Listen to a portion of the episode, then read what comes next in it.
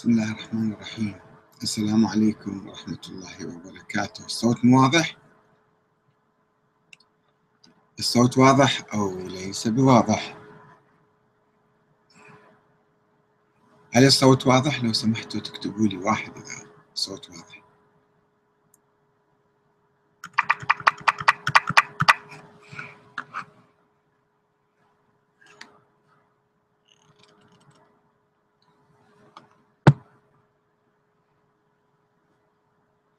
واضح جيد. شكرا. شكرا الأخ مرتضى المحمداوي. آه.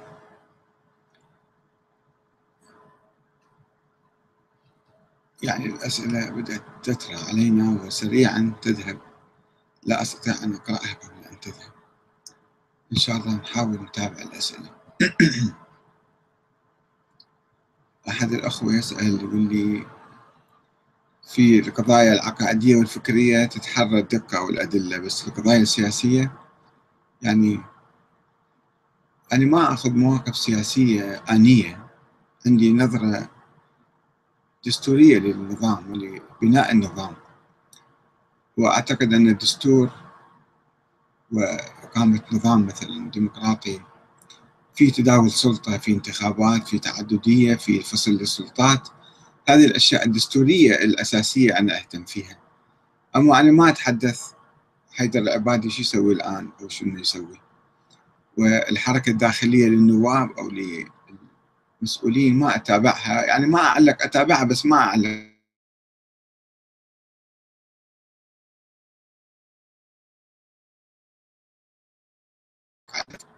وإنما أتكلم بصورة عامة أتكلم عن الدستور. نعم.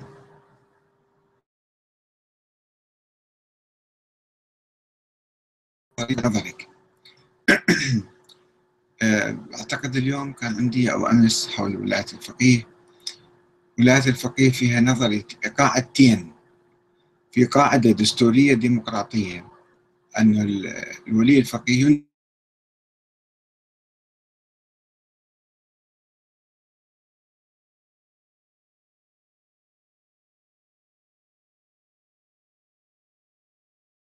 يتم الاتفاق عليها في الدستور. هذا شيء شيء آخر لا هو يكون منصب معين من قبل الإمام المهدي. ومن الغ...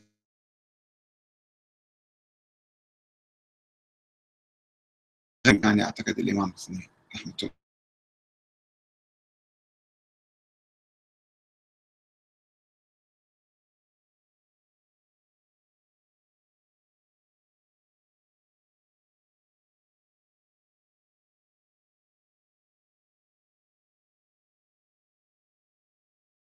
كنت أحب أبدأ اليوم بالحديث عن فتاوى الشيخ جواد التبريزي بحق السيد فضل الله بأن هذا ضال مضل وأن كتبها كتبه كتب ضلال وحرام واحد يقرأ هاي الكتب أو يبحث فيها أو يستمع إلى أشرطته أو يستمع لكذا نوع من التحريم المطلق مسوي له. وحتى الأحكام اللي صدرها كقاضي هو مثلا يطلق امرأة أو يزوج امرأة فيعتبر هذا الطلاق مو صحيح والزواج مو صحيح والأولاد اللي يجون هذول يصيرون أولاد حرام. فعنده موقف. باعتباره هو يعتقد نفسه هو حاكم شرع. يعتقد نفسه إنه هو يتكلم باسم الله تعالى. الشيخ جواد التبريزي رحمة الله عليه توفى قبل عشر سنين. ولكن كثير من الشيوخ والمعممين والمراجع يعتقدون هم يعني عندهم شرعية من من السماء يسمي نفسه حاكم شرع. أنت منو حتى حاكم شرع؟ أنت إنسان قاري لك كم كتاب بالقانون أو بالفقه وشلون صرت حاكم شرع؟ عندنا قضاء عندنا كذا ما يمكن أنت تخلي نفسك حاكم شرع وتحكم على بقية الناس بالضلال والفسق والكفر وما شابه. وتحريم قاطع كتبة ممنوع واحد لو هو عنده سلطة يمنع كتب السيد. كما منعت في معرض الكتاب مثلا الأخير. أنه هذه كتب ضلال ما تقرأ. والواحد يسأل يقول له زين شنو الضلال الموجود في كتبه؟ اشرح لنا إياه. قول لنا وين الضلال حتى نعرف؟ يقول هي الضلال مبثوث في كل كتبه فلا تقرون كل كتبه. شوف شلون إرهاب هذا إرهاب وديكتاتورية في الحقيقة. والخطر الأكبر على الديمقراطية يأتي من العمائم.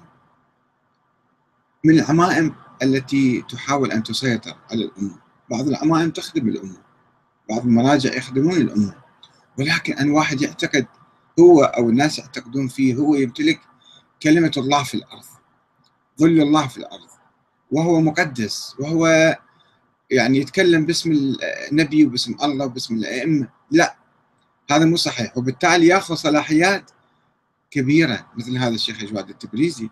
عندما يجي يصدر فتاوى ضد هو مراجع آخرين صدروا مجموعة من المراجع. فتاوى تفسيق وتضليل وبعد شوية تكفير بعضهم. يعني ضد السيد فضل الله وهو عالم مرجع كبير. فكيف بعامة الناس؟ إذا صدروا بحقهم هذا كافر هذا فاسق هذا ضال هذا مضل. يعني يصادرون حقوقه وبالتالي قد يقتلوه قد يعني يفرضون دكتاتورية على المجتمع أيضا. باعتباره هو اللي يتكلم. بسم الله. فيفرض دكتاتورية ففي الحقيقة يعني ما يمكن نقيم ديمقراطية حقيقية. نعطي للناس حقوقهم كل واحد يشعر نفسه أنه هو له حق وله دور وهو يشارك في السلطة. إذا في ناس باسم الدين باسم العمائم باسم المرجعية باسم كذا يفرضون أنفسهم. وبالتالي أنت بدك تمشي بهالطريق. انتخب هاي القاعدة. وما ينتخب هاي القائمة؟ فهذا زوجته حرام عليه. أو هذا يروح في النار أو هذا. لا هذا ما يصير.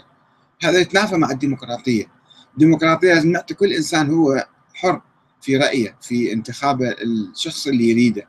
وما أنت لك سلطة على الناس. مثلا في إيران موجود هذا اسمه مجلس المحافظة على الدستور أو صيانة الدستور. يجون مرشحين ناس مؤمنين طيبين مسلمين شيعة اثنا عشرية أيضا.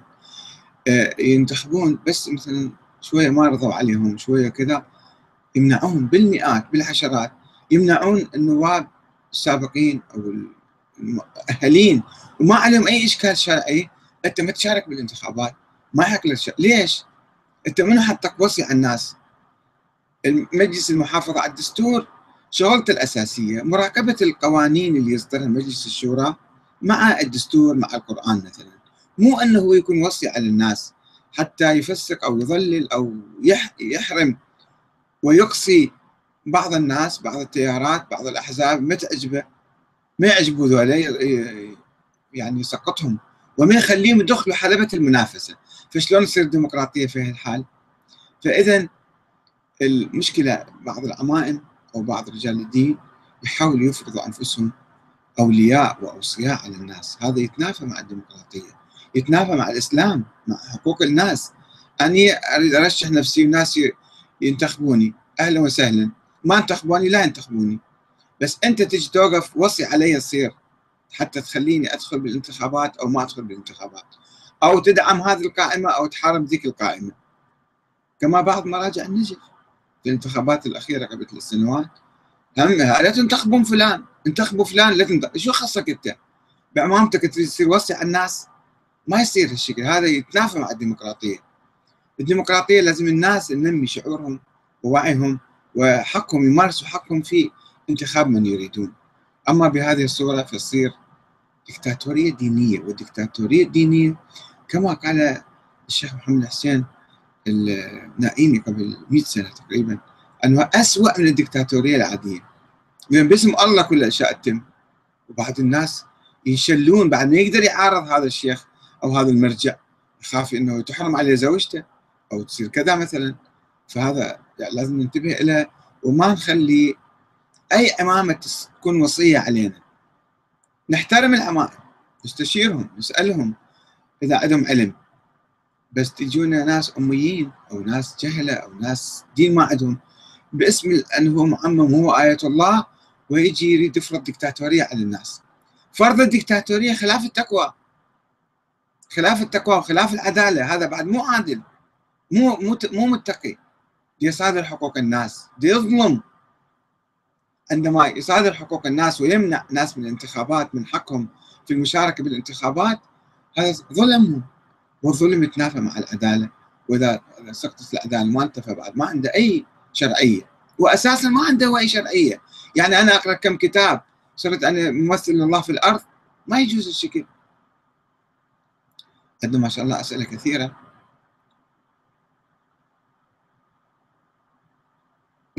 آه، الشيخ مرتضى يسأل أيضا سؤال آخر يقول بالفعل موضوع جيد يا حبذا تكمل موضوع سيد فضل الله. وبشكل موسع ليس فقط التبريز يعني. طبعا كل الناس اللي أصدروا هالفتاوى ذولا ناس يعني ما ما لهم شرعية وما لهم حق يصدروا هالفتاوى. بقضايا شخصية الناس هم يعرفوه يحبوه يقدروه يثقون به أو مثل ما يثقون بكم أنتم مثلا.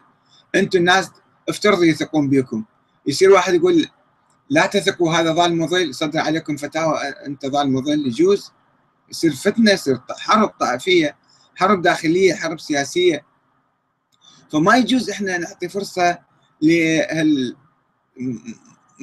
اللي يسمون نفسهم مراجع وهم لا دارسين لا قارين لا فاهمين لا دارسين تشيع لا دارسين الإسلام. من الحوزة الأمية يجي يفرض آه، يعطي فتاوى ضد هذا وضد ذاك. ما يحق له حرام عليه. الأخ حسين علي العبودي يقول هل الدين بالأصل سياسة أم لا؟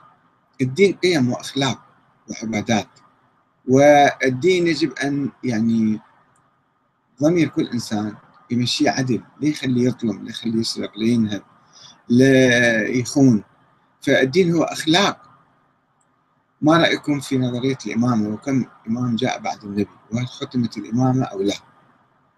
سيد عبد الله الحديدي موضوع الإمامة يا أخي العزيز أنه إحنا بعد الرسول صلى الله عليه نحتاج حكومات. يعني هذا شيء عرفي عقلي هذا مو شيء ديني. من أول يوم كان في خلاف بين المتكلمين أو المنظرين. أنه الإمامة وجوب الإمامة بالعقل أم بالدين أم بالشرع. أكثر الناس ذهبوا إلى أنها بالشرع. يعني هناك نص عليها وما في نص عليها أبدا لا بالقرآن ولا عند النبي. وناس قالوا لا بالعقل. العقل يقول واجب. طيب إذا قلنا بالعقل راح كل شيء يصير بالعقل بعد ما يصير بالدين. إذا قلنا بالدين كل شيء راح نسويه ديني. يصير حكم مدني حكم ديني يصير. ف السؤال راح وأنا ما تابعته كثير. الإمامة الحكم الحكم اللي يعني صار خلاف إنه كيف ننتخب الإمام؟ ما هي شروط الإمام؟ باللغة الحديثة يسموه خلاف دستوري. وهذا الخلاف آه، يعني آه، مثلا تحول بعد ذلك إلى أنه الحكم في العائلة أو في تلك العائلة من العوائل الهاشمية والعلوية والفاطمية والحسنيه والحسينيه صار خلافات بين أحزاب مختلفة. آه، الكلام مو حول الأئمة كم واحد عندنا والأئمة شنو هم ذولا الكلام حول الآن مثلا هي نظرية مطلقة. الآن إحنا كيف ننتخب الإمام؟ ما هي شروط الإمام؟ الرئيس مالنا رئيس الجمهورية أو رئيس الوزراء. آه، ما هو قانون الانتخابات؟ هذه الأمور لازم نبحث فيها. هل يشترط في رئيس الجمهورية يكون معصوم مثلا يكون معين من قبل الله لا طبعا. ما حد ما يقول الآن الكلام سابقا الناس كانوا يتجرؤون بإطلاق هذه الأشياء. آه الآن الناس يقول لا يكفي في يكون إنسان ملتزم بالقانون عادل حاكم عادل ويكفيها أو فقيه عادل بعد حسب ولاية الفقيه. عندما تقول أنت تسأل أحمد الكاتب يجيب جعلت نفسك مرجع لا أنا مو مرجع. أخوكم أنا صديقكم. عندكم أسئلة بالنسبة لي؟ أنا عندي كتب عندي أفكار عندي بعض النظريات. يمكن تناقشوني يمكن تردوني يمكن تقبلون من عندي يمكن تقترحون علي اقتراحات. فمو قصة مرجع أنا ما قلت تعال قلدوني يا أخي العزيز. ما طابع رسالة وقال لك تعال قلدني. أنا أعتقد التقليد حرام أساسا. بس اسمع من عندي واسمع من الآخرين. إذا عندك يعني عندي رأي خاطئ قول لي هذا رأيك خاطئ ولا تاخذني وإذا كان كلامي صحيح ومعقول فكر فيه وشوف واسمع من رأي الآخر أيضا. سيد عبد الله الحديدي ما رأيكم بالامامه وكم امام جاء بعد النبي؟ وهل هناك اسمى لدى الام ماكو هذا ما نشترط إحنا العصمه لا تبحث في القضية قبل 1400 سنة يا أخي العزيز. ابحث الآن. الحاكم يجب أن يكون معصوم؟ لا ما حد ما يقول لك يجب أن يكون معصوم. الحاكم يستولي على السلطة بالقوة تقبل بها أنت؟ بعض الناس كانوا يقولون نقبل. أي واحد يسيطر علينا نقبل به. أو بالوراثة أو بالكذا لا. أو بانت تنتخب الحاكم وأنت تحاسب الحاكم وتراقبه وتغيره وتبدله. فهذا من حقك. تفكر اليوم شلون تسوي الامامه وتسوي الرئاسة وتكرس الحقوق والحريات. أما إنه بالتاريخ شنو كان منو كان شيء عليك راحوا إيه الأخ يقول أنا مقلديكم. أنا ما أقبل التقليد حرام يا أخي العزيز. عبد الرحمن الصالح بدي امزح ويانا طبعا. التقليد حرام. لازم واحد هو يفكر. نرفع مستوانا إلى مستوى النظر والتفكير والاستماع. اعطانا اذانات اثنين نسمع مختلف الآراء ونختار الرأي الصحيح. محمد توفيق يقول وعليكم السلام. السلام عليكم ورحمة الله.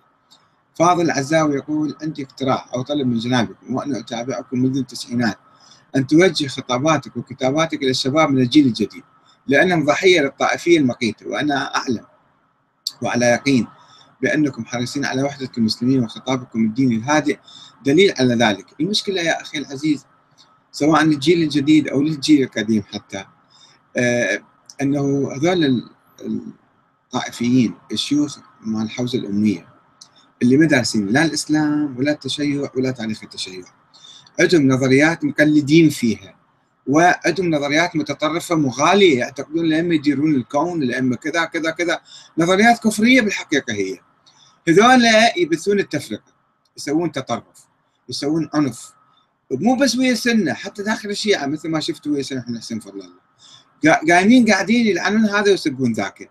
إذا ما تأيدهم أنت 100% بآرائهم وتوافق عليهم على كل مقولاتهم. لو قلت لهم التقليد مثلا حرام ما يجوز. أوه تكفرت شلون نقول التقليد حرام؟ عمي التقليد منين؟ شنو أصول التقليد؟ منين جبتوا التقليد إنه جائز؟ الله قال بالقران روح قلدوا علماء ما عندنا شيء. ولا النبي قال لنا روح قلدوا إحنا نستفيد من العلماء نسألهم إذا عندهم رأي. مو العالم يجي يقعد يصدر فتاوى بدون دليل. يا يعني شنو دليلك على الفتوى؟ اسكت ما عليك أنت.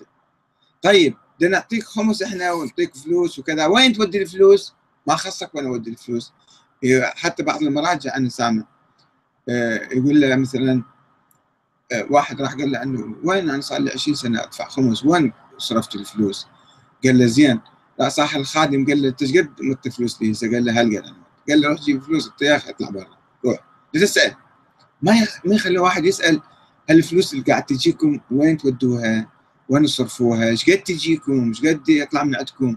لازم نعرف هاي فلوس بالملايين بعدين لو تكدست الفلوس في مكان وراحت بالبنوك وكذا شكل خطر شكل خطر لأنه يصير يعني خطر سياسي يصير يلعبون بالأمة. فلازم إحنا نسألهم أدلتهم في أي رأي يقولوا مثل هذا الشيخ التبريزي. يقول سيد فضل الله ظل مظل. وكتبة كتب ضلال وحرام تقروها. زين شنو الكتب اللي ضلال فيها؟ ما يقول. ما يقول هاي فتوى أنا ناشرها إذا ترجعوها بصفحتي موجودة. يسأل السائل يقول لي أبا شنو الضلال موجود؟ يقول كل كتبة فيها ضلال. من منتشر الضلال. شنو شنو وباء وباء في كتب السيد فضل الله أو أي واحد آخر. بس لا تقرون هذا الكتاب. أنت شو خصك؟ أنت وصي على الناس تجي تفرض تسوي دكتاتوريه على الناس. هاي أول دكتاتوريه هذه. أن واحد يجي يمنع الناس من قراءة كتب علماء أو مو علماء حتى ناس انسان ناس عاديين. إنسان عادي مثل أحمد الكاتب. عنده كتاب خليه يقراه وخليه يطلع. ليش تعتبره كتب ضلال؟ وتحاربه مثلا. أي إنسان كان. هو جاهل وخايف على نفسه خايف الناس يتوعون ويطلعون ويروحون يقرون أشياء ما تعجبه يقول لك حرام حرام حرام لا تقرأ لا تقرأ. يمنع كتبه من من المعارض وما يخليه بالمكتبات. وحتى في المرجع بكربلاء شاف واحد خطيه هذا اسمه فاضل. كان يبيع آه، كتب باب الصحن باسطه بالشعر اجى قال لا شو؟ شنو ليش قاعد تبيع كتب أحمد الكاتب؟ جاب الشرطة عليه يقول أنا مرجع. صديقي ما هو يقول أنا عالم مرجع ما يصير تبيع كتب أحمد الكاتب. بالشارع مثلا. يجيب له شرطي وخطير مسكين بعد شوية يحبسوه قال له شو مسوي؟ أنا كتب دابي يعني. يعني عقلية مخلقة ووصي على الناس. لا يكون هذا الفكر ينتشر؟ ممنوع. ما حد يسمع ما حد يقرأ لا يفكر لا يستمع لهذا وذاك؟ اشرط كاسيتهم لا تستمع لها. هذا إرهاب هذه دكتاتوريه باسم باسم العمايم باسم رجال الدين. وهم الدين الاسلامي ما عنده رجال دين كلنا رجال الدين. ماكو شيء بالإسلام كنيسة وواحد بابا وواحد كذا مسيطر على الدين. يسوون بابوية وفاتيكان. كيف ترى العالم الإسلامي بعد عشر سنوات؟ يا أخي محمد شنو قابل أن يفتح فان؟ لو أنا شنو نجم لقيتني أشوف العالم الإسلامي بعد عشر سنوات؟ هذا علم عند الله. آه الأخ ريسان لواء الزرقاني يقول أي ديمقراطية وأي نظام ديمقراطي؟ ولو سألنا طفلا قل ما أسقط صدام حسين؟ لقال لك أمريكا. آه أمريكا أسقطت الدولة ومؤسسات وأفرزت أحزاب وتيارات باسم الإسلام. فاشلة فاسد الإسلام منهم بريء. زرعوا الطائفية وأضاعوا البلاد والعباد وأشاعوا الجهل والتخلف والصنمية أخي العزيز ريسان أنا أختلف معه أمريكا صحيح سقطت صدام بس أكو حركة كانت شعبية. ونضال ومجاهدين وأحزاب من 20 30 سنة قاعد تقاوم صدام وتريد سقطه إجت صدام إجت أمريكا في لحظة معينة آه، ضربت صدام. مو معناته إنه ماكو شعب عراقي وماكو أحزاب وماكو منظمات وماكو شعب. بالتالي الشعب العراقي هو قرر أن يسوي ديمقراطية. السيد السيستاني حفظه الله قال آه، ما يصير أمريكا تحط لنا دستور. لازم إحنا نسوي دستور وإحنا ننتخب رئيس الجمهورية أو رئيس الوزراء مالنا فدعا إلى انتخابات والشعب العراقي راح للانتخابات وصوت تحت قصف الهاونات والمفخخات. وبالملايين راح وسووا هذا الدستور وانتخبوا هاي الحكومة. هسه هاي الحكومة مو مثالية عندها سلبيات فيها محاصصة فيها مشاكل. هذا صحيح. يعني افترض أمريكا ما موجودة وصدام حسين قرر يسوي انتخابات. أنت شنو رأيك؟ شنو راح يطلع بهاي الانتخابات؟ مو ذول راح يطلعون نفسهم. نفس الأحزاب ونفس هذا. في المشكل القضية مو إن أمريكا خلقت الشعب العراقي ولا خلقت الديمقراطية. يعني صارت فرصة أتاحت المجال سقط صدام الشعب العراقي آه، قام وانتخب وشكل حكومة. وفي أخطاء وإن شاء الله يطور نفسه وإن شاء الله يطور النظام الديمقراطي ماله ويطور المؤسسات بشكل أفضل. فلا نكون سلبيين بالمرة يا أستاذنا العزيز. وأنت صديقنا وما تقلدني ما ولا لا. ف آه، ما يصير إحنا نشطب مرة واحدة على الشعب العراقي كله وكل أحزابه وكل منظماته وكل قومياته وكل طوائفه وهذا النظام كل الشعب العراقي مشترك فيه. أكراد وعرب وسنة وأتراك وشيعة وكذا فما يصير نجي نقول ذولا كلهم ما يفتهمون وكلهم ذولا أمريكا جابتهم. أمريكا شلون جابتهم؟ فاضل عباس الحرية السياسية موجودة في العراق ولكن الحرية الفكرية تكاد تكون معدومة. ولولا وجود النت لما سمعنا بك يا أستاذ أحمد. لا أنا قبل موجود أكو كتب موجودة هم كان الناس يقروها يعني. مو مشكلة صحيح بالنت أكثر وال FaceTime Facebook وكذا. صحيح إحنا نحتاج حرية فكرية نحتاج نشيل يد الإرهاب عنا. ما نخلي واحد شيخ أو معمم أو مرجع يقول لنا اقروا هذا الكتاب ولا تقرون هذا الكتاب. نقرأ كل شيء ونفكر في كل شيء. الله ما حاط لنا حواجز ولا خطوط حمراء. الله يرحم سيدنا حسين فضل الله. بالمرة زرته أول ما قعدت يمه قال لي أنا ما عندي خطوط حمراء. كل فكرة واحدة يبحثها يبحثها. الشيخ محمد السويعدي يمكن ما راح الحق أقرأ سؤالك راح ينزل بسرعة. شيء حسن أن ينبغي شخص من أبناء المدرسة ليقف على بعض الشبهات. هذا إذا كنا دعاة للحق. وإن كنت غير مطلع على أكثر آرائكم كنت. الخلافية إلا أني لست ضد الفكر المنفتح على أساس المنهج العقلي والنقلي. علما أن العلم ليس حكرا على أحد وكل له طريقة تفكير يجب أن نحترم عقول الآخرين كما نحترم عقولنا بارك الله فيك يا شيخ محمد السويد وكثر الله من أمثالك. وإن شاء الله أهلا وسهلا بك ومرحبا. يعني نسمع رأيك إذا عندنا إحنا نحاول يعني قدر إمكاننا نجتهد فيما نقول. وإذا شفت عندنا خطأ همتين وجهنا وانصحنا وقل ونحن لك من الشاكرين ما هي مشاريعها الإنسانية قل لي بربك. أخ ريسان يعني هذا النظام هو ابن الشعب العراقي وليد الشعب العراقي. الشعب العراقي ما كان يؤمن بالديمقراطية وما يعرف شنو إجراءات الديمقراطية وممارسات الديمقراطية وبعد ما متنظم في أحزاب. وفي يعني بعد الديمقراطية ناشئة. ما تريدها مثل الديمقراطية بريطانيا صار 400 500 سنة أو ديمقراطيات أخرى. يعني إحنا أول الطريق. ومن داخل الأمور الدينية والأمور السياسية، الأمور العشائرية والأمور الدينية والسياسية، فنريد شوية نطور أمورنا يعني نطور الثقافة، نطور الإرادة، الاقتصاد يكون ناس أحرار مو يكونون عبيد لهذا وذاك. حتى ما يقدرون يفكرون ولا الأمية عندنا مثلا عقبة أمام الديمقراطية. ما المقصود بعبارة فلان قدس سره قدس الله سره ما أدري أسألهم يقولون. محمد الفضلي إن كانت هناك نظريات إسلامية سياسية هل تصلح لأنظمة الحكم اليوم؟ ما في نظريات إسلامية سياسية أخي العزيز. هل تتعارض الديمقراطية مع الإسلام؟ لا ما تتعارض. إذا كانت لا تتعارض هل يمكن أن نضع حكم النبي في عهده في خانة الضد من الديمقراطية أو اللا ديمقراطية؟ باعتبار أنه لم يكن منتخبا من عامة الناس. أخي العزيز النبي نبي. عنده وحي ينزل عليه من السماء. وتعليمات إحنا آمنا به والناس اللي آمنوا به ذيك الأيام يؤمنون بأنه هذا عنده علاقة مع الله بعد هذا. ما في ديمقراطية. مع ذلك الله يقول له وشاورهم بالأمر في الإجراءات التنفيذية في الحروب في الكذا. ويصطفي المؤمنين يقول وأمرهم شورى بينهم. ما بعد النبي الكلام. كلام ما بعد النبي. منو يحكمنا؟ مو ما نحكي على قبل 1400 سنة نحكي الآن. الآن إحنا من يحكمنا؟ شلون الحاكم يجي؟ يسوي انقلاب عسكري ونقبل به مثل ما يقول أحمد بن حنبل؟ أو مثلا بالوراثة حكم الأمويين والعباسيين والعثمانيين أو إحنا ننتخب الحاكم. نظرية الشورى نطورها والانسانيه العالم كله طور نظرية الشورى. سوى فصل بين السلطات سلطة تشريعيه سلطة تنفيذية سلطة قضائية سلطة إعلامية.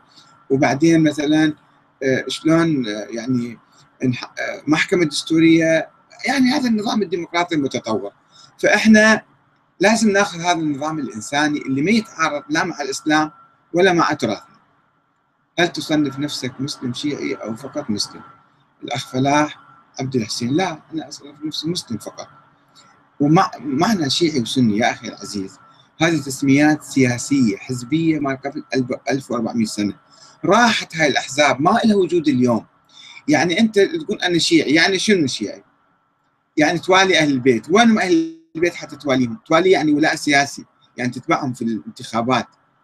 هم مو موجودين. أو سني بالنظام العسكري أو بالنظام الدكتاتوري أو النظام الوراثي. هم بطلوا الناس من الفكرة هذه.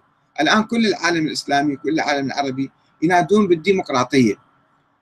ينادون بالديمقراطية وينادون بالحرية وينادون ب آه، يعني هذا الدستور النظام الجديد. ما الفرق بينك وبين مارتن لوثر؟ ذاك عنده حركة إصلاحية في المسيحية وإحنا بدنا نجتهد نرجع للقرآن ونرجع لأهل البيت نرجع إلى ثقافة أهل البيت. ما عندنا مشكلة يعني. ذاك صار ضد الكنيسة.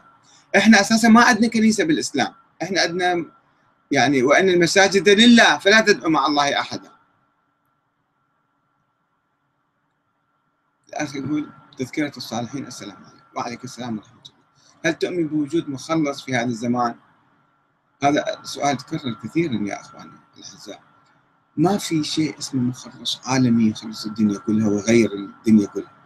إنما على كل إنسان في كل زمان في كل مكان في كل قرية في كل مدينة في كل دائرة أن هو يصلح الأمور ويمشي عدل لا يأخذ رشوة لا يسرق لا ينهب يكافح الفساد يكافح الظلم ينشر العدل يلحق على الفقراء على المساكين على الأطفال اللي ما عندهم مدارس يوفر المدرسة يتحرك. هو يقوم بدور إيجابي يصير مهدي. المهدي هو الذي الله هاديه سواء كان إمام ولا كان إنسان عادي سواء كان امرأة ولا رجل وأي قومية كان مو مشكلة. فالمهم أنه إحنا نقوم بحركة إيجابية في المجتمع في مقابل حركة الفساد والإفساد الموجودة لازم نقف أمامها. فلا تنتظر واحد مخلص في آخر الزمان يجي. أنت الآن كن مخلص أنت اعمل عمل صحيح اللي تقف أمام الظلم والطغيان. آه الأخ نهاد القيسي لا عبر علي لا أنا شوف اولا هذا السؤال ما له معنى يعني أنا عربي ولا فارسي ولا كردي ولا هندي المهم الانسان بي آه، يعني بواقعه. آه، أنا عربي من بني أسد واعرف آه، فارسي أعرف فارسي أعرف إنجليزي أيضا وربما أتعلم لغات أخرى في مستقبل حياتي. سؤال يعني ذات أهمية كبيرة. أرجو عدم يعني الأخوة اللي جماعة أكون ناس موظفين بمكتب إعلامي مال فرد واحد يدعي أنه معمم كان من تلاميذ الصدر وسوى فتن وتحالف مع داعش ويعيش في قطر ويوميا مسوين إعلام له عنده مكتب ضخم بالإعلام دعايات يسوي لكل مكان وكل ساعه واحد متصل وشو رأيك بفلان؟ وشو رأيك بكتب فلان؟ أخي العزيز تشتغل موظف روح اشتغل في دائرتك. لا تجي تستغل الفرصة ما عندنا وتسوي دعاية هذا وذاك. فاضل العزاوي يقول ألف رحمة على روح أمك وأبوك. الله يسلمك إن شاء الله. نعم يجب انتمائنا للاسلام الحنيف لا للمذاهب إحنا عندنا إسلام دين وعندنا اختلاف السنة والشيعة قديما قبل 1400 سنة على النظام السياسي. والآن إحنا متحدين على هذا النظام. ربما عندنا ملاحظات نريد نطور هذا النظام. أهلا وسهلا نطور هذا النظام. ما في مشكلة. نغيره من برلماني رئاسي البرلمان قوي أكثر قانون الانتخابات قانون الأحزاب. حتى يتطور ويصير قوي والثقافة الشعبية آه، دور رجال الدين سلبي أو إيجابي. نشوف شنو يعني لازم يعني بعيدا عن يعني استغلال العملية السياسية والديمقراطية. وين نعيش مع بعض؟ بعد ماكو شيء اسمه واحد سني واحد شيعي. خلص. أي واحد ملتزم بالنظام الديمقراطي هو هذا مسلم ديمقراطي. انتهى الموضوع. الأخ فلاح عبد الحسين يقول تحياتي لك وأنت صاحب فكر نير وشكرا على أفكارك الجريئه وأتمنى العثور على كتبك. إيه يمكن ان عندي صفحة اسمها كتب أحمد الكاتب. بالفيسبوك تقدر تراجعها وتشوف كتبه كلها موجودة فيها وتكتب اسم أي كتاب جوجل هم يطلع لك. آه آه نهاية تعيد السؤال أخي العزيز ماكو معنى هذا سؤالك. وجاوبتك الآن وكل ساعة تعيد السؤال مالك. شنو قصدك ما أعرف شنو. أخاف تعتبر كل واحد يعني الشعب العراقي عجم كله. صدام حسين وجماعته كانوا يعتبرون الشيعة كلهم عجم.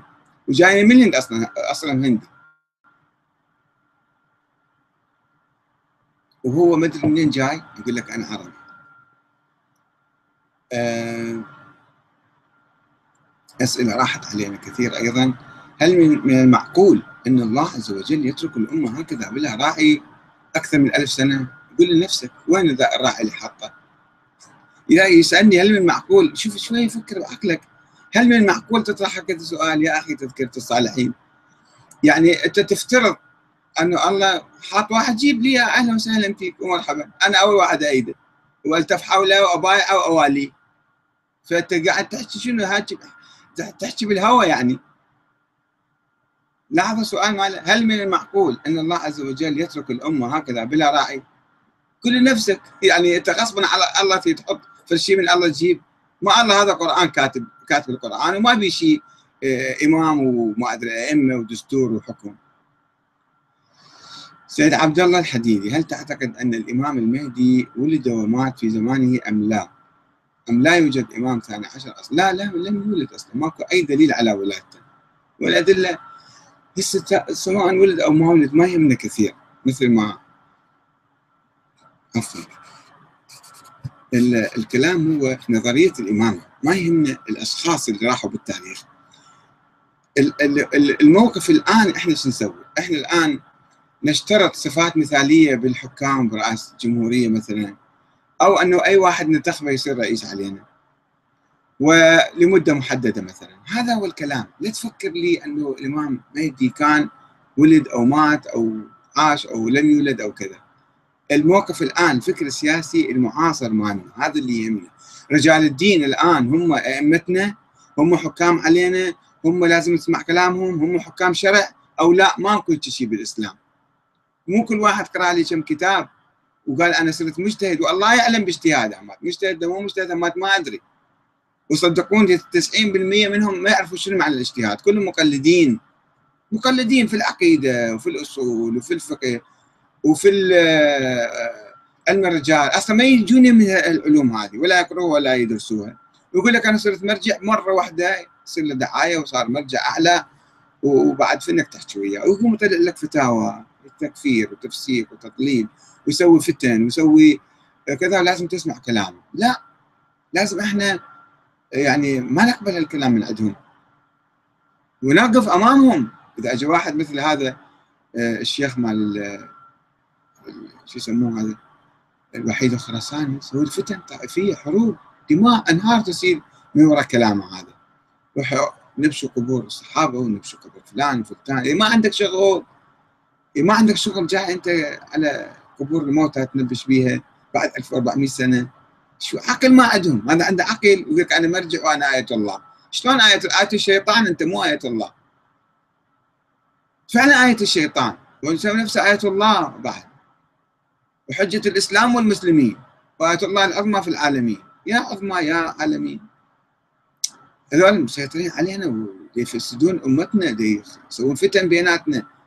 مو بس بين الشيعة والسنة حتى بداخل الشيعة. الفتنة ما سيد فضل الله اللي سواها حاربوا تيار كبير من شباب المثقف كان يؤمن بهذا السيد ويعتبره عالم ومفسر القرآن ومحاضرات إسلامية و40 50 سنة ويخدم آه، الإسلام والمسلمين. ويرعى الأيتام والفقراء والمساكين. مرة واحدة ذولا ما شافوا حصل فلوس أكثر من عندهم والناس يعطون خمسهم. إلى قاموا طلعوا بالفتاوى ولا لا ظل ولا مظل. إيش عنده والمسكين يعني لو واحد قال أنا آه، فاطمة الزهراء ما هجم عليها فلان ولا كسر ضلعها يعني هذا كفار. ما يفرقون بين أصول الدين العقائد الأساسية بالدين وبين قضايا تاريخية قضايا خرافات وأساطير يجعلوها من الدين.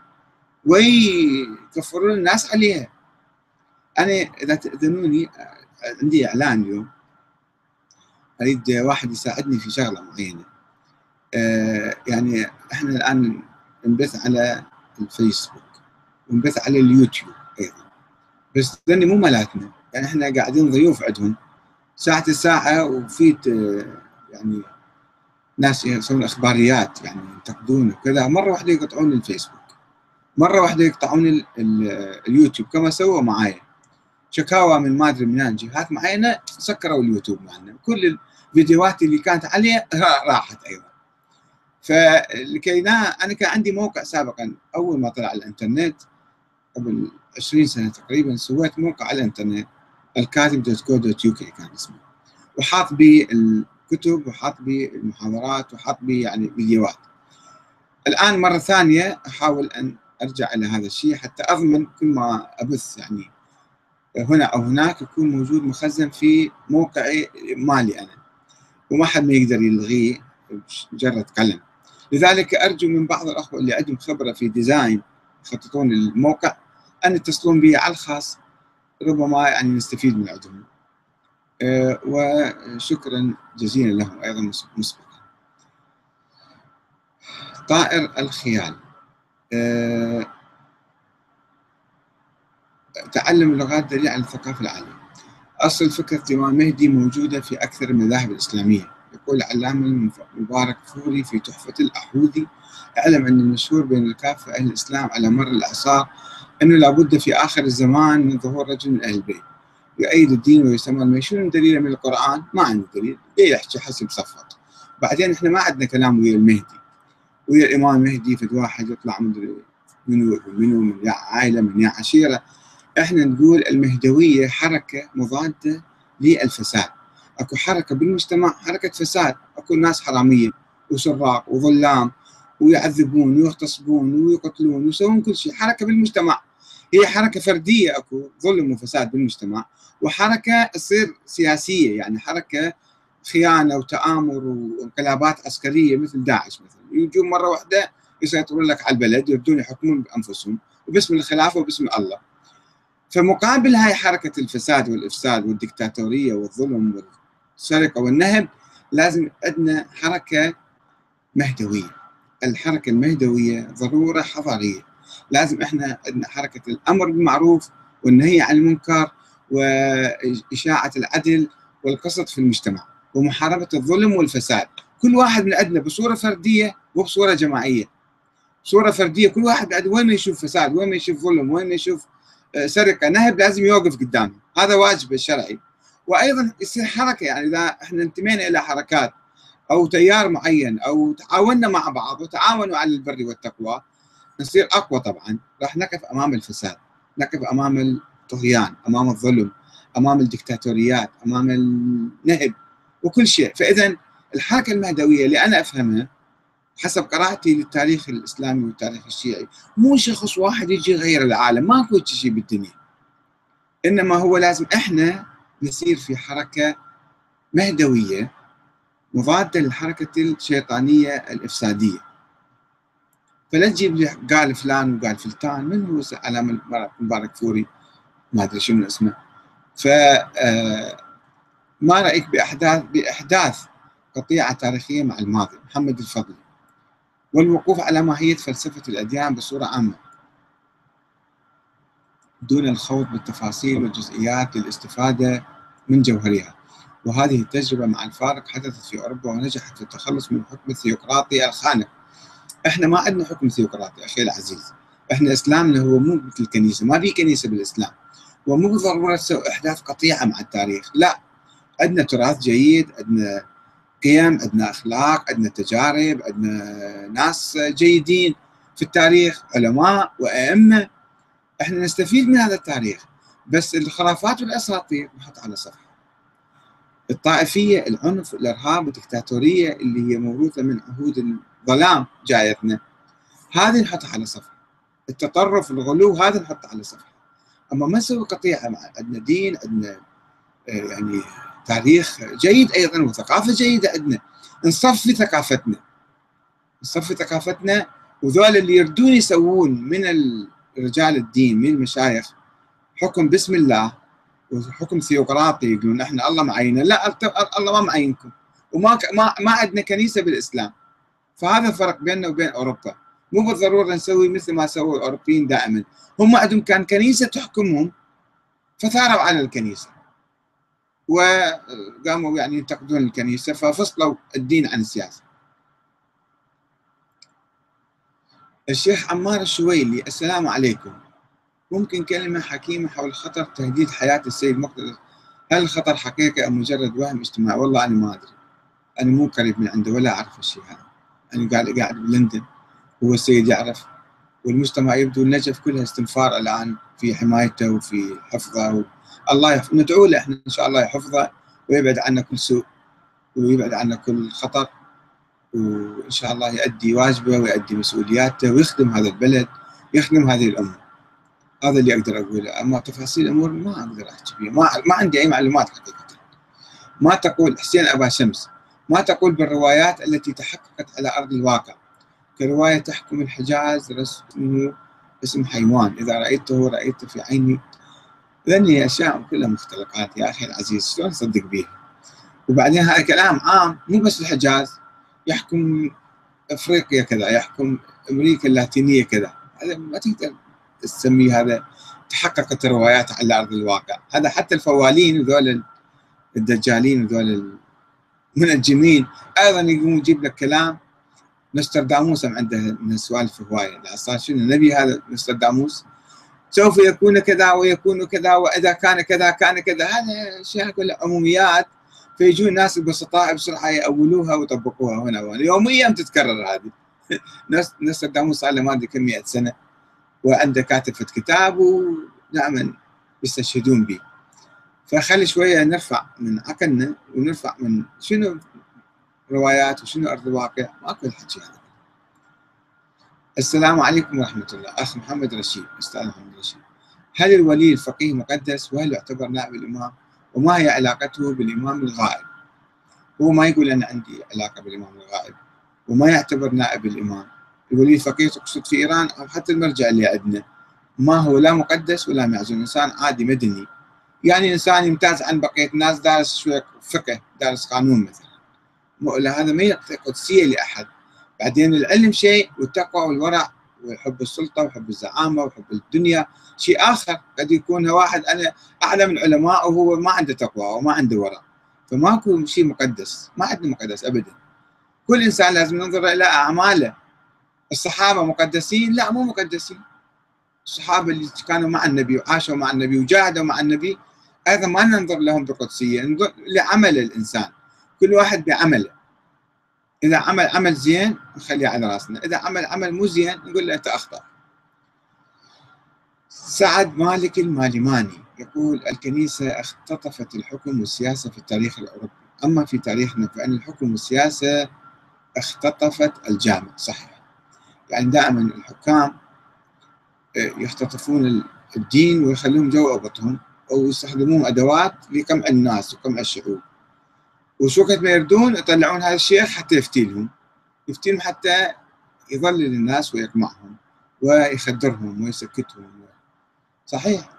ولذلك إحنا يعني هذا طبعا من القديم. الملوك الإيرانيين كانوا في ملك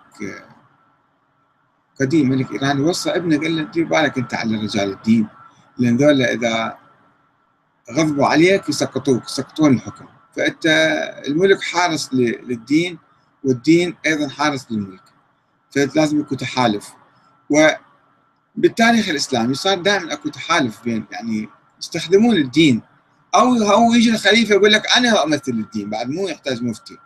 يقول لك أنا خليفة وأنا ظل الله في الأرض وأنا آه، أنتمي لعائلة كذا أو لعائلة كذا وأنا معين من قبل الله. هذا مو صحيح. نعم هي مشكلة في الحقيقة. آه، أستاذ محمد رشيد قصدت بسؤالي من وجهة نظر الولي الفقيه في إيران. حسب الدستور الإيراني حسب ما أنا قرأت الدستور وعملت فيه دراسة يعني دقيقة الدستور الإيراني ما في نظرية ولاية الفقيه. يعني هي نظرية ولاية الفقيه كانت موجودة. ولي ولاية الفقيه فيها عدة نظريات كما قلت لكم. نظرية ديمقراطية ونظرية غيبية. وهي النظرية الغيبية تقوم على فرضية أخرى قبلها اسمها النيابة العامة. أن الفقهاء هم نواب الإمام المهدي العامون مو الخاصين. لا هذول دائما هم معينين. أي فقيه يصير هو نائب الإمام. فركبوا عليها الولاية ولاية الفقيه. فصار ولي الفقيه عنده صلاحيات مطلقة في نظر بعض الفقهاء. بالذات الإمام الخميني كان يرى أن الفقيه عنده ولاية مطلقة لأنه معين من السماء مجعول ومعين ومنصب من الإمام. آه، جمال حميد يقول السلام عليكم. أتمنى أن تتفضلوا بالحديث عن حياتكم وكيف تقسم وقتكم وما هو دخلكم المادي هل هو من مردود كتاباتكم وكيف تقضي وقت فراغكم؟ مع احترامي هذا تسأل الضريبة اللي ندفع لهم إياه. أكونها ضريبة هم يحاسبونا وندفع ضرائب لهم ونروح أسألهم إذا تحب. أما حياتي الشخصية ما تهمك كثير ما أعتقد تهمك يعني. إحنا نقرأ ونكتب ونشتغل هاي ماشي الله رزقنا على الله تعالى. أه وكيف تقضي وقت فراغك؟ أنا ما عندي أقرأ أكتب دائما 24 ساعة. تحية من إرشاد لكم فضيلة الشيخ وسام شرف الدين. هذه إرشاد منظمة في أمريكا وسام شرف الدين كان سكرتيرها ما أدري الآن بعدها أو لا يبدو لي يتكلم باسمها في منظمة آه، ثقافية تثقيفية دعوية في أمريكا آه، ويعني الشيخ السنجري هو يبدو يشرف عليها أيضا. آه، متى بدأ التحول الفكري لدى جنابكم؟ وما قصة هذا التحول الكبير في قراءة التراث أخطاء الخيال أو الخيال؟ اليوم كان عندي أو الأمس كان عندي حديث عن اليوم كان أعتقد الصبح موجود عندك في إذا تراجع الصفحة مالتي إنه خطاب الإمام الخميني الذي غير حياة أحمد الكاتب. تقدر تقرأ قصتي كلها. متى بدأ التحول وكيف وشلون صار؟ آه شكرا لكم يا أستاذ محمد رشيد. الشيخ عمار الشويلي يقول أستاذ أحمد أنا أثق بذوقك السياسي وأتمنى أن تخرج من إطار التقيه سؤالي من المستفيد من زوال السيد الصدر من الساحة؟ بالعكس ضرر ما حد يستفيد. أعتذر عن إزعاجك. لا شوف يعني ليه توجه اتهام الآن أنت. يعني تريدني أنا أوجه اتهام لشخص معين أو فئة معينة مو صحيح. أيضا هاي يصير فتنة. فخلي الأمور يعني إذا أكو خطر حقيقي أكو مسؤولين أمنيين يصدون لهالشيء هذا. وهو نفس السيد عنده أعتقد حماية أمنية وعنده. أجهزة أمنية وكذا يعني تحميه إن شاء الله. ومحمي محمي, محمي بقلوب الناس أيضا أما لين نجي نثير التهمة ونكبرها وبعدين سوف قضيه مشكلة يعني تصير أكبر. آه، السيد عبد الله الحديدي إذا كان التقليد حرام من أين نأخذ أمورنا الفقهية؟ مو الفقهية فقط العقديه أيضا. العقديه ذول اللي تعتقد بهم مراجع وعلماء ما أكثرهم ما مجتهدين روح اسالهم أنتم مجتهدين بالقضية العقائديه في علم الأصول في علم الرجال في المحققين في التاريخ الشيعي اللي هو أساسي في عملية الاجتهاد. آه، في تاريخ الأئمة ما قاريه ما يعرفوها. فهم مقلدين. أنت تقول تفترض أنه هذول المراجع يعرفون كل شيء. لا ما يعرفون كل شيء. صدقني ما يعرفون كل شيء. روح اسألهم وتعرف شلون. بعدين التقليد حرام. في العقائد طبعا حرام. هم كلهم يقولون التقليد في العقائد حرام. وفي التاريخ يعني في الأمور النظرية ما يجوز في الأمور الفقهية التفصيلية في الأمور الفقهية التفصيلية أيضا حرام التقليد لأنه الله ما يقول لك إذا عملت برأي واحد الله خلاص أنت معذور لا أنت لازم إذا قال في راي تقول له شنو دليلك؟ تسأله تسأله شنو دليلك على هذا؟ بعض العلماء أو المشايخ أو المراجع أو شو يسمونه يحرمون الحلال ويحللون الحرام فاذا هو ده يحلل الله انت راح تعبده من دون الله. تتخذهم أرباب من دون الله. وما تسألهم شنو دليلكم؟ وتقول لي التقليد حلال جائز أو واجب؟ لا حرام التقليد. لأنه بعض العلماء صدقني وأنا عندي أمثلة كثيرة إذا تريد أجيب لك اياها إن شاء الله نتحدث وتحدثنا عنها كم مرة. يحللون الحرام ويحرمون الحلال. صلاة الجمعة واجبة يسووها لا مو واجبة حرام. أو مكروه أو مخير أو ما أدري شنو. الخمس مو واجب يقول لك لا واجب تحت الخمس. منين جبت الخمس واجب؟ الله خاطر الخمس فقط في في, في الأنفال وفي غنائم الحرب أنا ما أقول لك لا تراجع الفقهاء. إذا تعتبر واحد فقيه شوف علمه. الدليل على الكلام ماله شنو. اسأله شنو دليلك على هاي الفتوى تقولها. لكن لو واحد مرجع مصدر فتاوى. ممنوع البنت تكتب بالإنترنت ويا واحد تتكلم وياه. إيه شنو هذا؟ هذا حلال. أنت قاعد تحرم احل الله. ما يجوز لك تضيق على الناس الشكل باسم باسم الفتاوى باسم الدين. هذا حرام. هذا مرجع يفتي شكل فتاوى حرام عليه. واحدة قاعدة تتكلم واحد تحب واحد تتكلم وياه تريد تتزوجه. أنت شو خاصك بيه؟ ليش تقول حرام؟ حتى لو بالصوت حتى لو تقعد وياه بالمقهى تتكلم وياه. مو حرام تتكلم مع أحد. فضلا عن إنه بالإنترنت أو بالبالتوك أو بالفيسبوك أو أو أو بالكتابة حتى. حتى بالكتابة يقولها حرام إذا كان يؤدي لك وين أدى؟ تسأل سؤال وتناقشه وهذا. ويطلعوهم النسوان ما يصير حتى تدخل على الفيسبوك أو تدخل تحكي مع الناس. ليش؟ ليش تضييق على عباد الله وعلى الناس الشكل في نفي التحريف عن القرآن الشريف الشيخ أغا بزرق الطهراني وبكتابه النقد اللطيف في نفي التحريف. هذا هو الشيخ آه، أغا بزرق الطهراني كان عالم بالنجف قبل 60 70 سنة 80 سنة. لما كتب ذاك النور الطبرسي آه، فصل الخطاب في إثبات تحريف كتاب رب الأرباب. فصار ضجة على العلماء قالوا له هذا كلامك مو صحيح هو أخباري كان جمع روايات وما درسها زين. فذبلفت قنبلة وراح. بعدين قالوا له هذا كلامك مو صحيح. والشيخ كتب هذا الكتاب ضد ذاك النور الطبرسي وأجبروه على سحب كتابه. قالوا هذا كلامك مو صحيح وسويت فتنة أنت وأسأت للشيعة. طبعا هو اعتمد على كتاب الكافي وعلى كتب أخرى اللي مو منقحة وجتنا من عصور الظلام. في زمن الغيبة الصغرى ويقولون الامام المهدي موجود مع النواب وهذا كتب الكتاب ماله ما صح. وكل احاديث حول تحريف القرآن وخرافات واساطير بالكافي فشلون هذا ليش الامام مهدي ما صلح الكتاب؟ ليش ما هو كتب لنا كتاب بدل الكافي بدل الكليني؟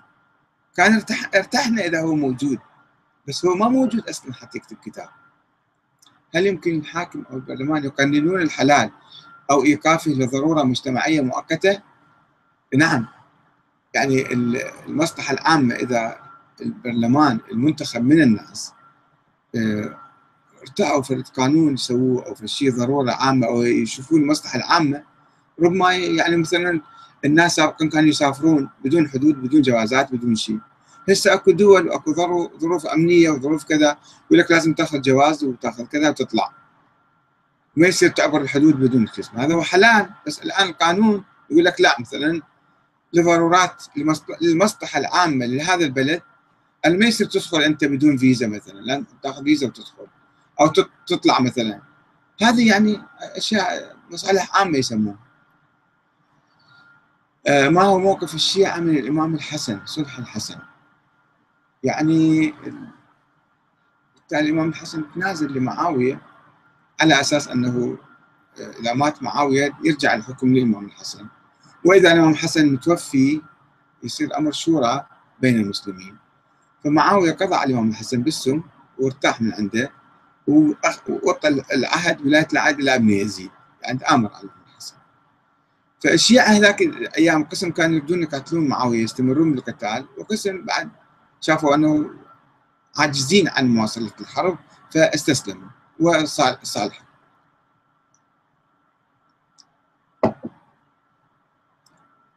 آه، يقول لي أنور آه، صبيح لا مو حرام. بس أنت تقبل بنتك أو زوجتك أو أختك تحكي مع شخص غريب ارجو نعم أقبل ليش ما أقبل؟ لأن أنا مو واصي عليه بنتي، يعني بنتي هي راشدة وعاقلة وتروح للجامعة وتدرس وتشتغل وتروح. بتتكلم مع الناس أنا واثق فيها يعني ما عندي شيء مشكلة أنا تكلمت بالحلال ما راح تروح بالحرام. وإذا آه، في يسوي شيء حرام لا سمح الله حتى أنهاها أو ما أقبل ما أقدر عليه فالمسألة إنه إحنا جعلنا نفسنا أوصياء على هذا. أكو حدود شرعية. يعني آه، حتى زمن النبي كانوا نساء المسلمين يجون يصلون بالمسجد. بعض الصحابة كلش غيرون أكثر من اللازم ما يقبل مرته تجي تصلي فكان يمنعوهن وكان يسوون حركات مو لطيفة حتى لا يجون النسوان إلى المسجد يصلون. وخاصة صلاة الصبح. فهذا ذوق يعني ناس عندهم مزاج. ما هو رأيك بعالم البرزخ؟ ماكو شيء بالقرآن اسمه عالم البرزخ. من حيث تعلم أو لا أصبحت تفتي بأن التقليد حرام إلا في الفقه أو العقائد. أه لكن بدون دليل لا مو إلا في الفقه أو العقائد. في الفقه والعقائد أقول التقليد حرام. هذا رأيي. لأن هم يقولون لا تقليد في التقليد. كل العلماء أول رسالة عملية إذا تقرأوها إيش يقولون؟ لا تقليد في التقليد. لأنه أنت إذا تريد تقلد أو ما تقلد مو تروح تسأل عالم هل يجوز التقليد؟ فتروح تقلد. لا. أنت بعقلك شوف أنه يعني ممكن تقلد أحد يجوز لك التقليد؟ لو ما يجوز. مسألة عقلية قالوا. فإذا عقلك قال لا ما يجوز التقليد لا تقلد. إذا عقلك قال لا والله لازم تقلد روح قلد بعدين التقليد شلون؟ ومتى؟ وش قد؟ وكم سنة؟ وفي أي موضوع؟ أنا أقلد هذا العالم. التقليد المتعارف عليه اليوم. ياخذ رسالته كل مسائل وش ما يقول بعد هذا صحيح لا. لازم أشوف كل مسألة كل موقف هذا كلامه صحيح ولا مو صحيح. دليله شنو؟ أنا أقول التقليد كل العلماء مجمعين على أن التقليد في العقائد حرام. وهم يقلدون طبعا بالعقائد هم ذول اللي يفتون كلهم يقلدون بالعقائد. يقلدون الشيخ الطوسي والشيخ المفيد والسيد مادي المرتضى من ذاك اليوم ليس. جاريه فد مرة سحب كله تقليد. وأكثر بعد يقلدون حتى الغلاة والمفوضة والكذا يقلدون. بدون تحقيق وبدون بحث وبدون دراسة وبدون شيء. اسمع لنا بهذا. بعدين في الفقه لما يقول لك مثلا مسألة صلاة الجمعة مو واجبة. مو آية قرآنية صريحة بالقرآن. يقول لك صلاة الجمعة واجبة. يا الذين آمنوا إذا نودي للصلاة من يوم الجمعة فاسعوا على ذكر الله. يقول لا ها مو واجبة كلش. ليش؟ قول لي ليش أنت؟ على شنو قاعد تفتي؟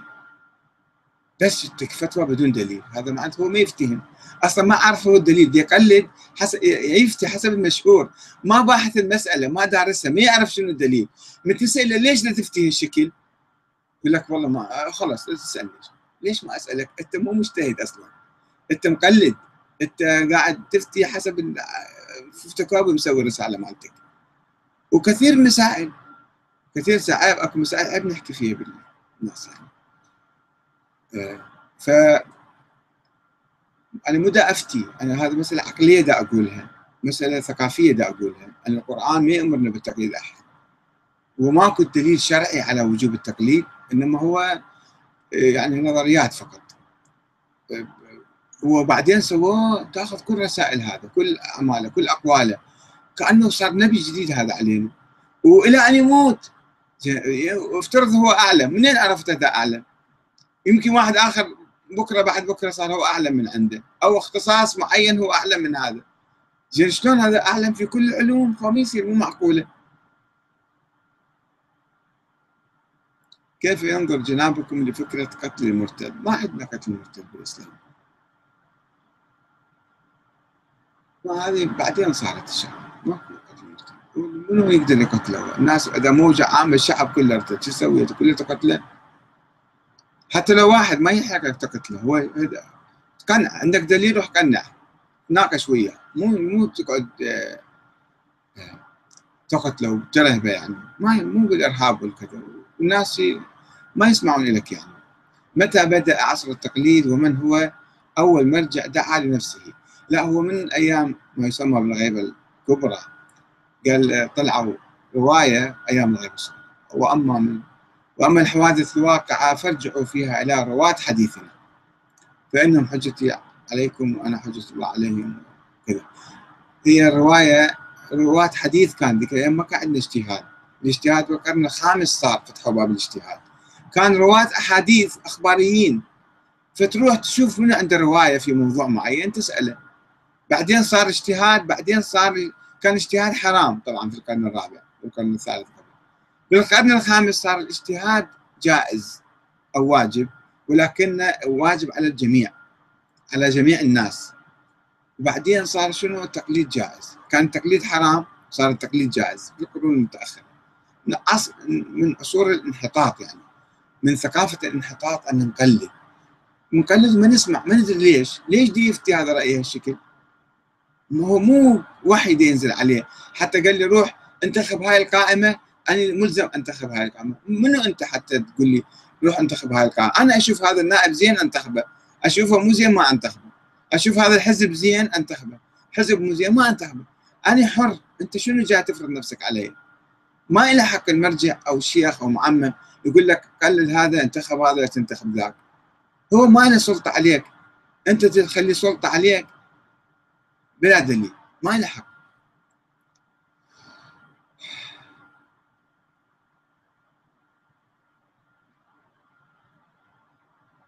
يعني ومن ورائهم برزخ إلى يوم يبعثون. هذا يعني فاصله أو مو أنه يعني في شيء عالم برزخ. هذا غير معنى له ومن ورائهم برزخ إلى إلى يوم يبعثون مو إلا يوم يبعثون إلى يوم يبعثون. آه كيف ينس أنه العالم ونعيش في حياة معينة؟ لا الإنسان يموتون يبعثون يوم القيامة خلص كيف ينسجم صلح الحسن مع نظرية الإمامة الموقوفة بالنص الالهي يا أخي العزيز مو ينسجم. هو هذا دليل على أن الإمامة مسألة مدنية و... إلى حسب الظروف. اليوم واحد ينتخبون ناس اليوم يتنازل عن الإمامة. إذا هي من الله ما كان الحق يتنازل الإمام الحسن. بس هي لأن الإمامة مو من الله الحكم والخلافة مو من الله. وشاف الظروف الآن حرب وكذا قال لك أنا أصالح ويا معاوية وأعطي الخلافة إليه. هذا أكبر دليل على أن الإمامة مو من الله. مو دينية الإمامة مسألة سياسية. اليوم أنا بالحكم شوف صارت أزمة أتنازل أستقيل اخلي المعارض يجي يحكم. أه كيف ينسجم صلح الحسن مع نظرية الإمامة الموقوفة بنص الاله العجب كل عجب من فتاوى التكفير من الطائفتين الشيعية والسنية. والقرآن يقول ولا تقولوا لمن ألقى إليكم السلام لست مؤمنا. وآية أخرى تقول ولا تموتن إلا وأنتم مسلمون. وآية أخرى تقول ورضيت لكم الإسلام دينا. متى يكف دعاء الفتنة؟ دعاة الفتنة عنا. متى إحنا ما يصير عندنا وعي ونناقشهم ونخلي حد لهم ما نخلي واحد يتدخل ويثير الفتنة ونقمع أي فتنة تصدر من أي مرجع حتى. فإن شاء الله يعني نقنع الفتنة. فارس الحجاز يقول دليل التقليد عقلي كالرجوع الشخص المريض للطبيب. فكذلك بالرجوع إلى أهل الاختصاص في المجال الديني.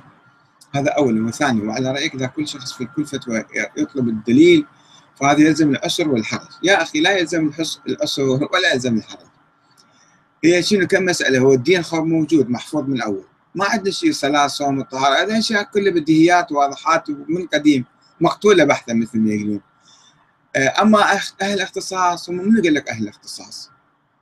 افترض واحد واحد فرد شيء.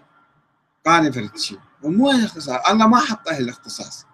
إحنا نستفيد من علمه نقول له علمك شنو هذا؟ دليلك شنو؟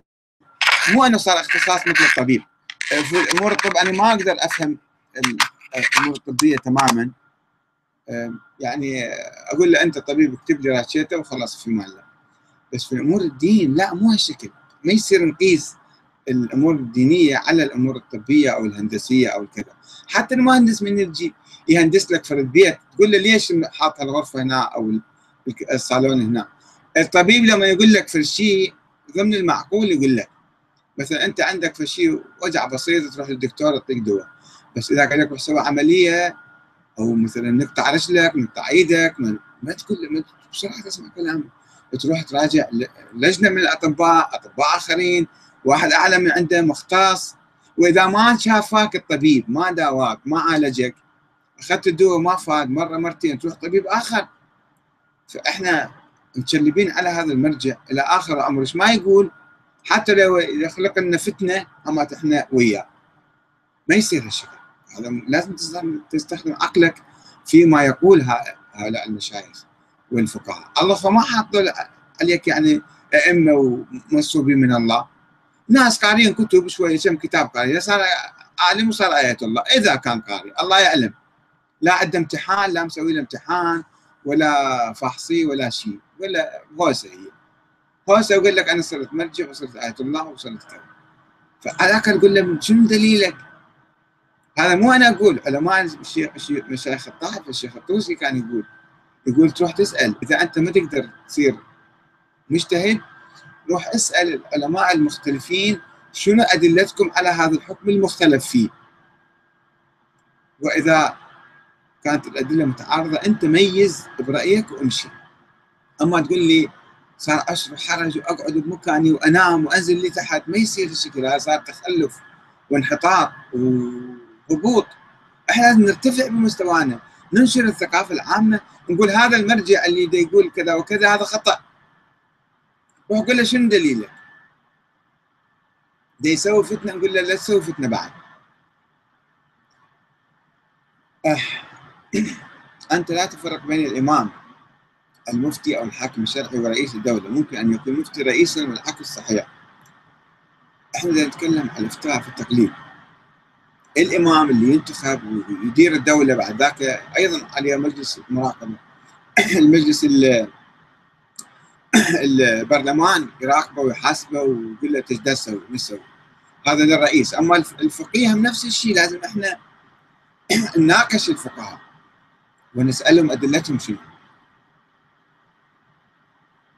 ممكن يكون المفتي رئيس والعكس صحيح. يعني الرئيس يصير مفتي في مسائل الدين فما يقدر يفتي بسرعة بالشكل إلا عنده دليل. آه التقليد في أوله كان اتباع بالتشديد وهو ليس من خصوصيات الإمامية فكل المذاهب تقلد.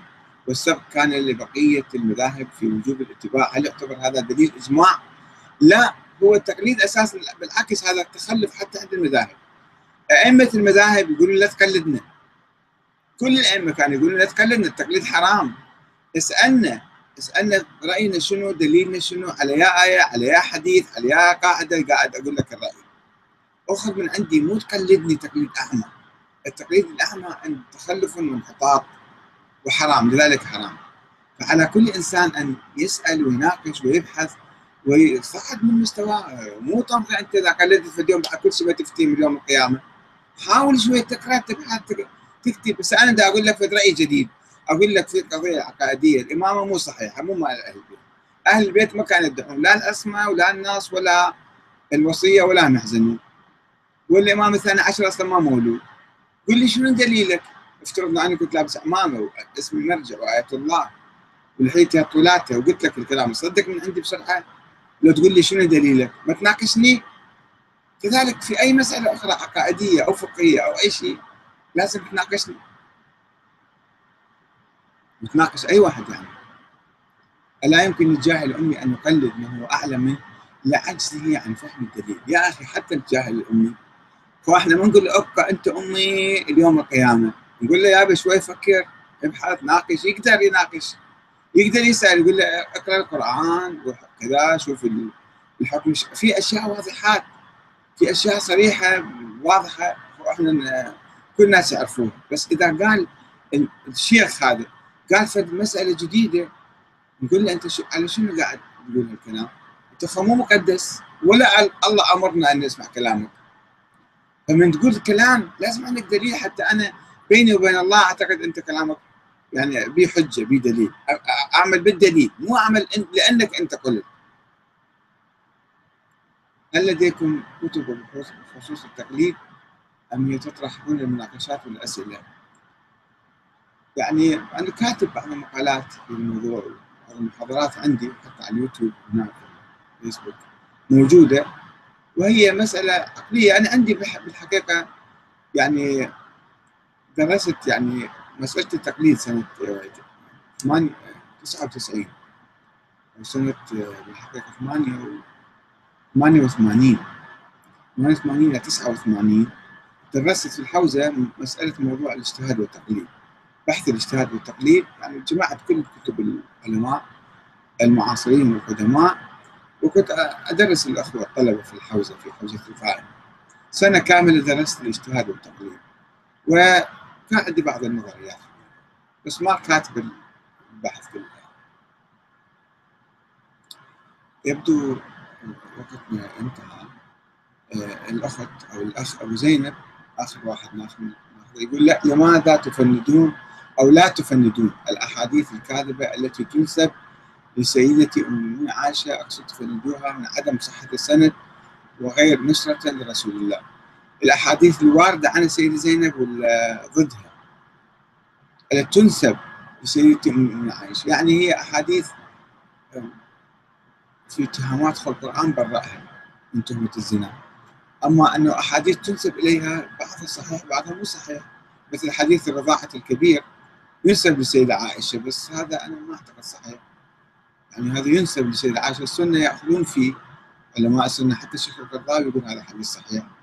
فمو بالضرورة كل حديث يعني أو حديث الداجن أكل آيات من القرآن آيات الرضاعة مثلا هذا يعني نشك فيها مو كل شيء صحيح. آه، فارس الحجاز يتحداني. يقول أتحداك أن تأتي بفتوى واحدة الآن وعلى المباشر وعلى صحة كلامك بأن كل عالم يطالب بالدليل عن كل مسألة مو تسطير كلام. هذا اولا. وعلى كلامك الآن فالعطوسي وعلى محلي والشهيدين الصدرين وغيرهم. كذا كم كتاب وطلعوا كذابين. لا أنا ما قلت كذابين عفوا. يا استاذي الكريم يا أخي العزيز فارس الحجاز وإن شاء الله فارس القطيف ما بس الكلام مو أنا ما قلت كذابين هاي آراء نبحثها خلي شوي كبر عقلك. وسع يعني إذا قلنا في النظرية أو في الكلام قلنا إنه العالم واحد شيخ يقول لك خذ راي ليش تاخذ رايه هالشكل؟ تغمض عينك وتمشي وراه. يعني إذا قلنا لك اسئله عن الدليل هذا كلامنا صار مو زين. تريد ما تسأل عن الدليل تمشي وراه هالشكل يعني؟ كيف؟ روح امشي وراه. أنا شو أسوي لك يعني؟ ما يحتاج لا تتحداني ولا أتحداك بس أنت شوي كبر عقلك وانظر بالمسألة يعني.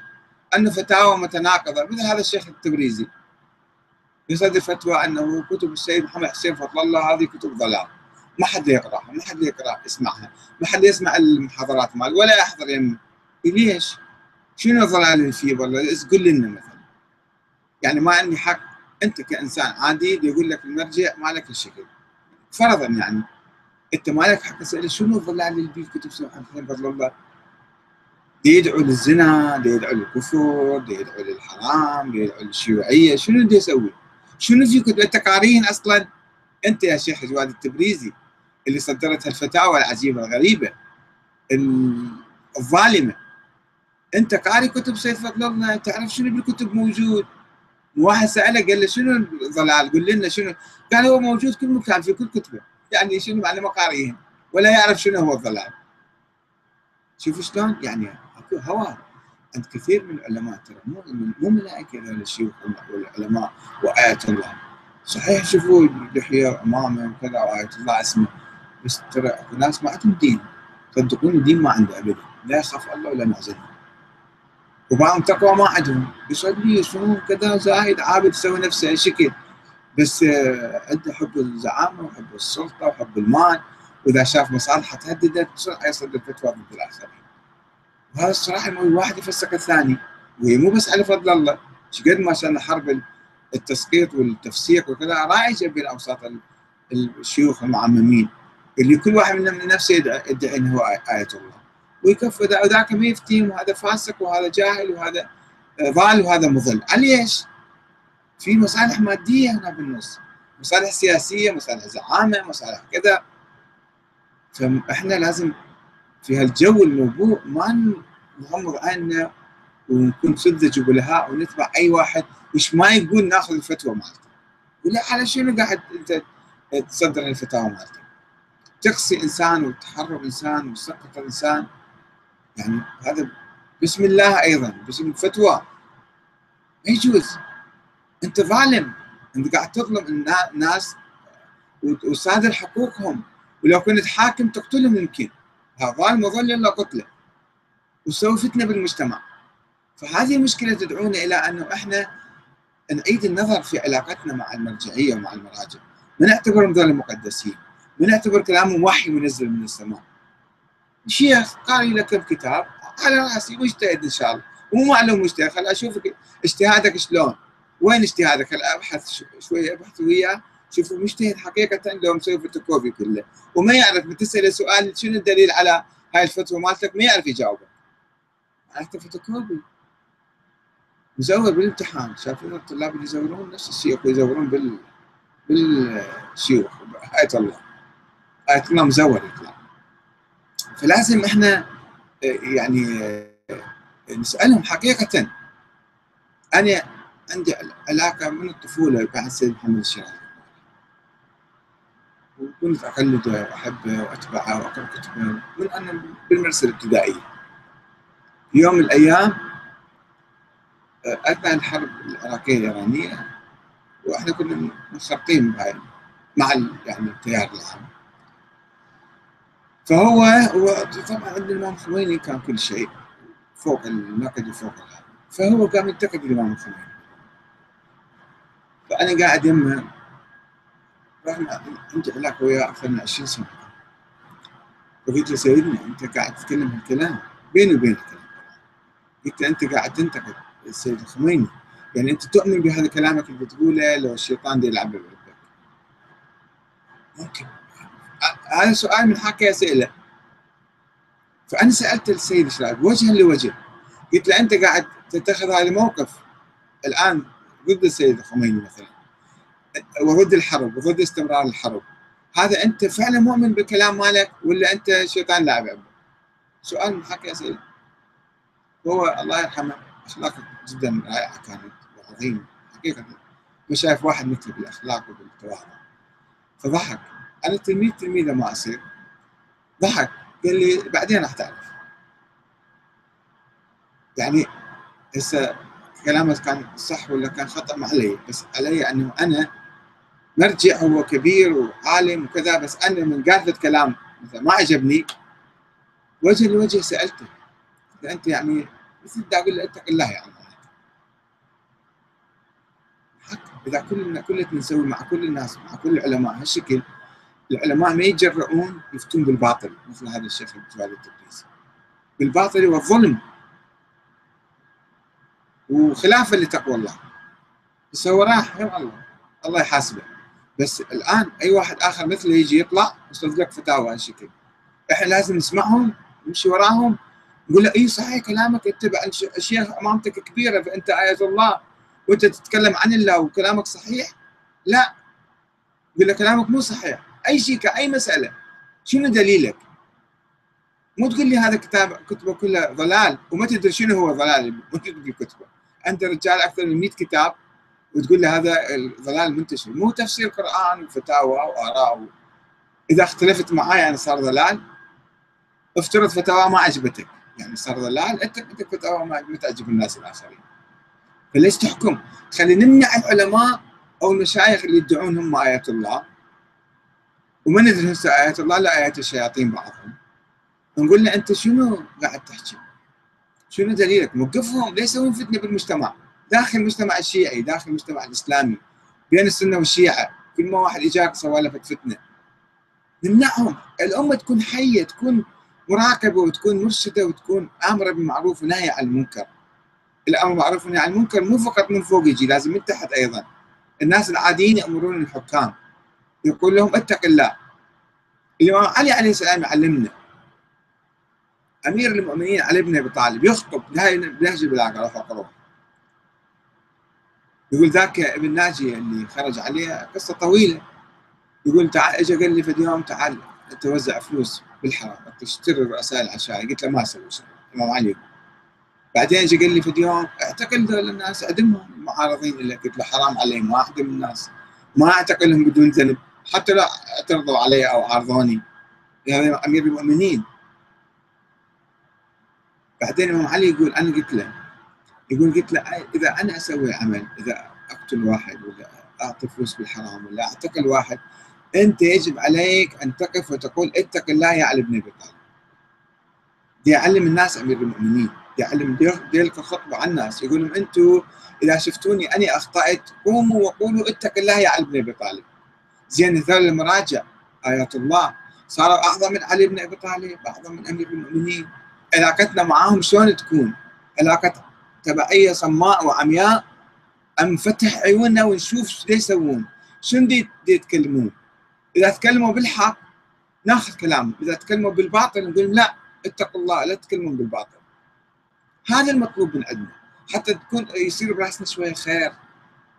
مو يسوقونا مثل الأغنام مثل البقر رايحين جايين منا. مثل الرؤساء اللي يودون الناس للحروب وما يخلون أحد يسألهم ليش قاعد نحارب؟ الرؤساء والملوك ليش قاعد تسوي حرب هذه؟ اسكت ما عليك انت امشي يلا مثل الغنم لازم يسوق المجازر. صدام حسين وغيره فقليلا من الوعي لازم نرتفع هاي الديمقراطية. نمارس حريتنا نمارس رأينا نأمر بالمعروف ننهى عن المنكر آه، يعني نكافح الفساد من أي مصدر صدر سواء كان رئيس جمهورية ولا مرجع ولا رئيس وزراء ولا وزير ولا شيخ بالمسجد واي أي واحد بالمجتمع يسوي صح نقول له صحيح سوى خطأ نقول له أخطأت. وتراجع عن خطأك. لا نمشي تقليد اعمى يعني يبدو تجاوزنا اليوم أكثر. وأكرر طلبي الأخوة اللي عندهم خبرة في الإخراج وتخطيط أو design يسمونه. مواقع الاتصال بي مشكورين لغرض يعني تخطيط الموقع وشكرا. السلام عليكم وتصبحوا على خير. وأسئلة الأخرى إن شاء الله نحاول أن نجيب عليها أما الآن أو غدا إن شاء الله. السلام عليكم ورحمة الله وبركاته.